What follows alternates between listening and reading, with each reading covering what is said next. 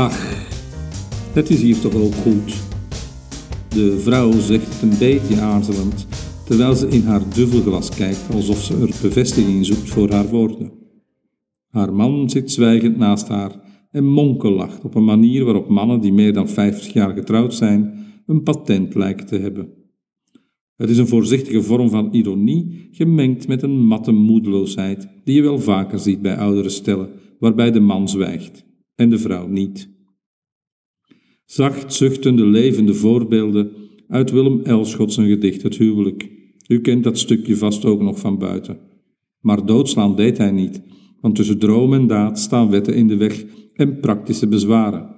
En ook weemoedigheid, die niemand kan verklaren en die des avonds komt, wanneer men slapen gaat. Het bejaarde stel is aan mijn tafeltje komen zitten omdat het café op dit uur altijd aardig vol loopt en er verder nergens meer een plaatsje te bekennen was. Ik zat alleen aan de tafel te mediteren in mijn blauwe chimay en had hem voorgesteld om aan mijn tafel bij te schuiven, toen ik merkte dat ze een beetje radeloos rondkeken, op zoek naar een vrije plaats. Dit oude, wat smoezelijke volkscafé in Hartje Antwerpen is mijn vaste stop telkens ik nog eens in België ben voor familiebezoek of uh, werk.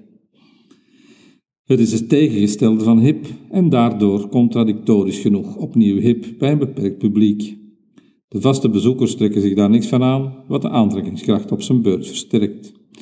Ja, de wereld is erg meta tegenwoordig. Dat ze op bezoek zijn in Antwerpen voor twee dagen, zegt de vrouw. Ze zijn niet van hier, maar van het Waasland. Van over het water voegt ze er voor alle zekerheid aan toe voor het geval ik het Waasland niet meteen zou weten te lokaliseren. Het was zeker al veertig jaar geleden dat ze nog in Antwerpen waren geweest, als het niet meer was, met de kinderen toen. Ze hadden de zo bezocht en waren onder de Schelde naar Sint-Anneke gewandeld, door de voetgangerstunnel, en daarna nog een heel eind naar de bocht in de Schelde. De voetgangerstunnel met die roltrappen, dat vonden ze bijzonder roltrappen die je tot onder de Schelde brachten. De Innovation op de Meer hadden ook roltrappen, hadden ze gezien, maar die van de voetgangerstunnel vonden ze toen toch heel bijzonder. Ze waren naar Linkeroever gegaan omdat dat Antwerpen was, maar toch ook weer over het water, terug richting huis. Te voet nog wel, ja ja. En nu waren ze dus terug, want ze hadden een weekendje Antwerpen cadeau gekregen van de kinderen. De man had nog altijd niks gezegd en keek door het raam naar buiten waar de regen zachtjes op de kasseien van de oude stad viel. Zijn bolk koning was leeg en hij gebaarde de waardin om ze nog eens vol te doen, door met zijn vinger boven zijn bolkenglas een rondje in de lucht te draaien. Dat was een vrouw niet ontgaan, want ik ontwaarde een licht draaiende beweging met haar ogen in een opwaartse richting.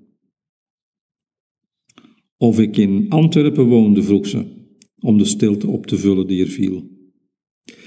Nee, nee, in, uh, in Malaga, antwoordde ik naar waarheid, in het, uh, in het zuiden van Spanje. Daar waren ze nog nooit geweest, zei ze. En het zal er ook nooit van komen, want met de huidige prijzen voor gas en elektriciteit schiet er aan het einde van de maand niet veel meer over van ons pensioen.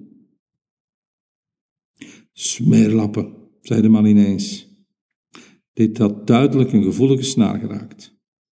Een heel leven gewerkt als een paard en nog moeten schrapen om je elektriciteit en het gas te kunnen betalen.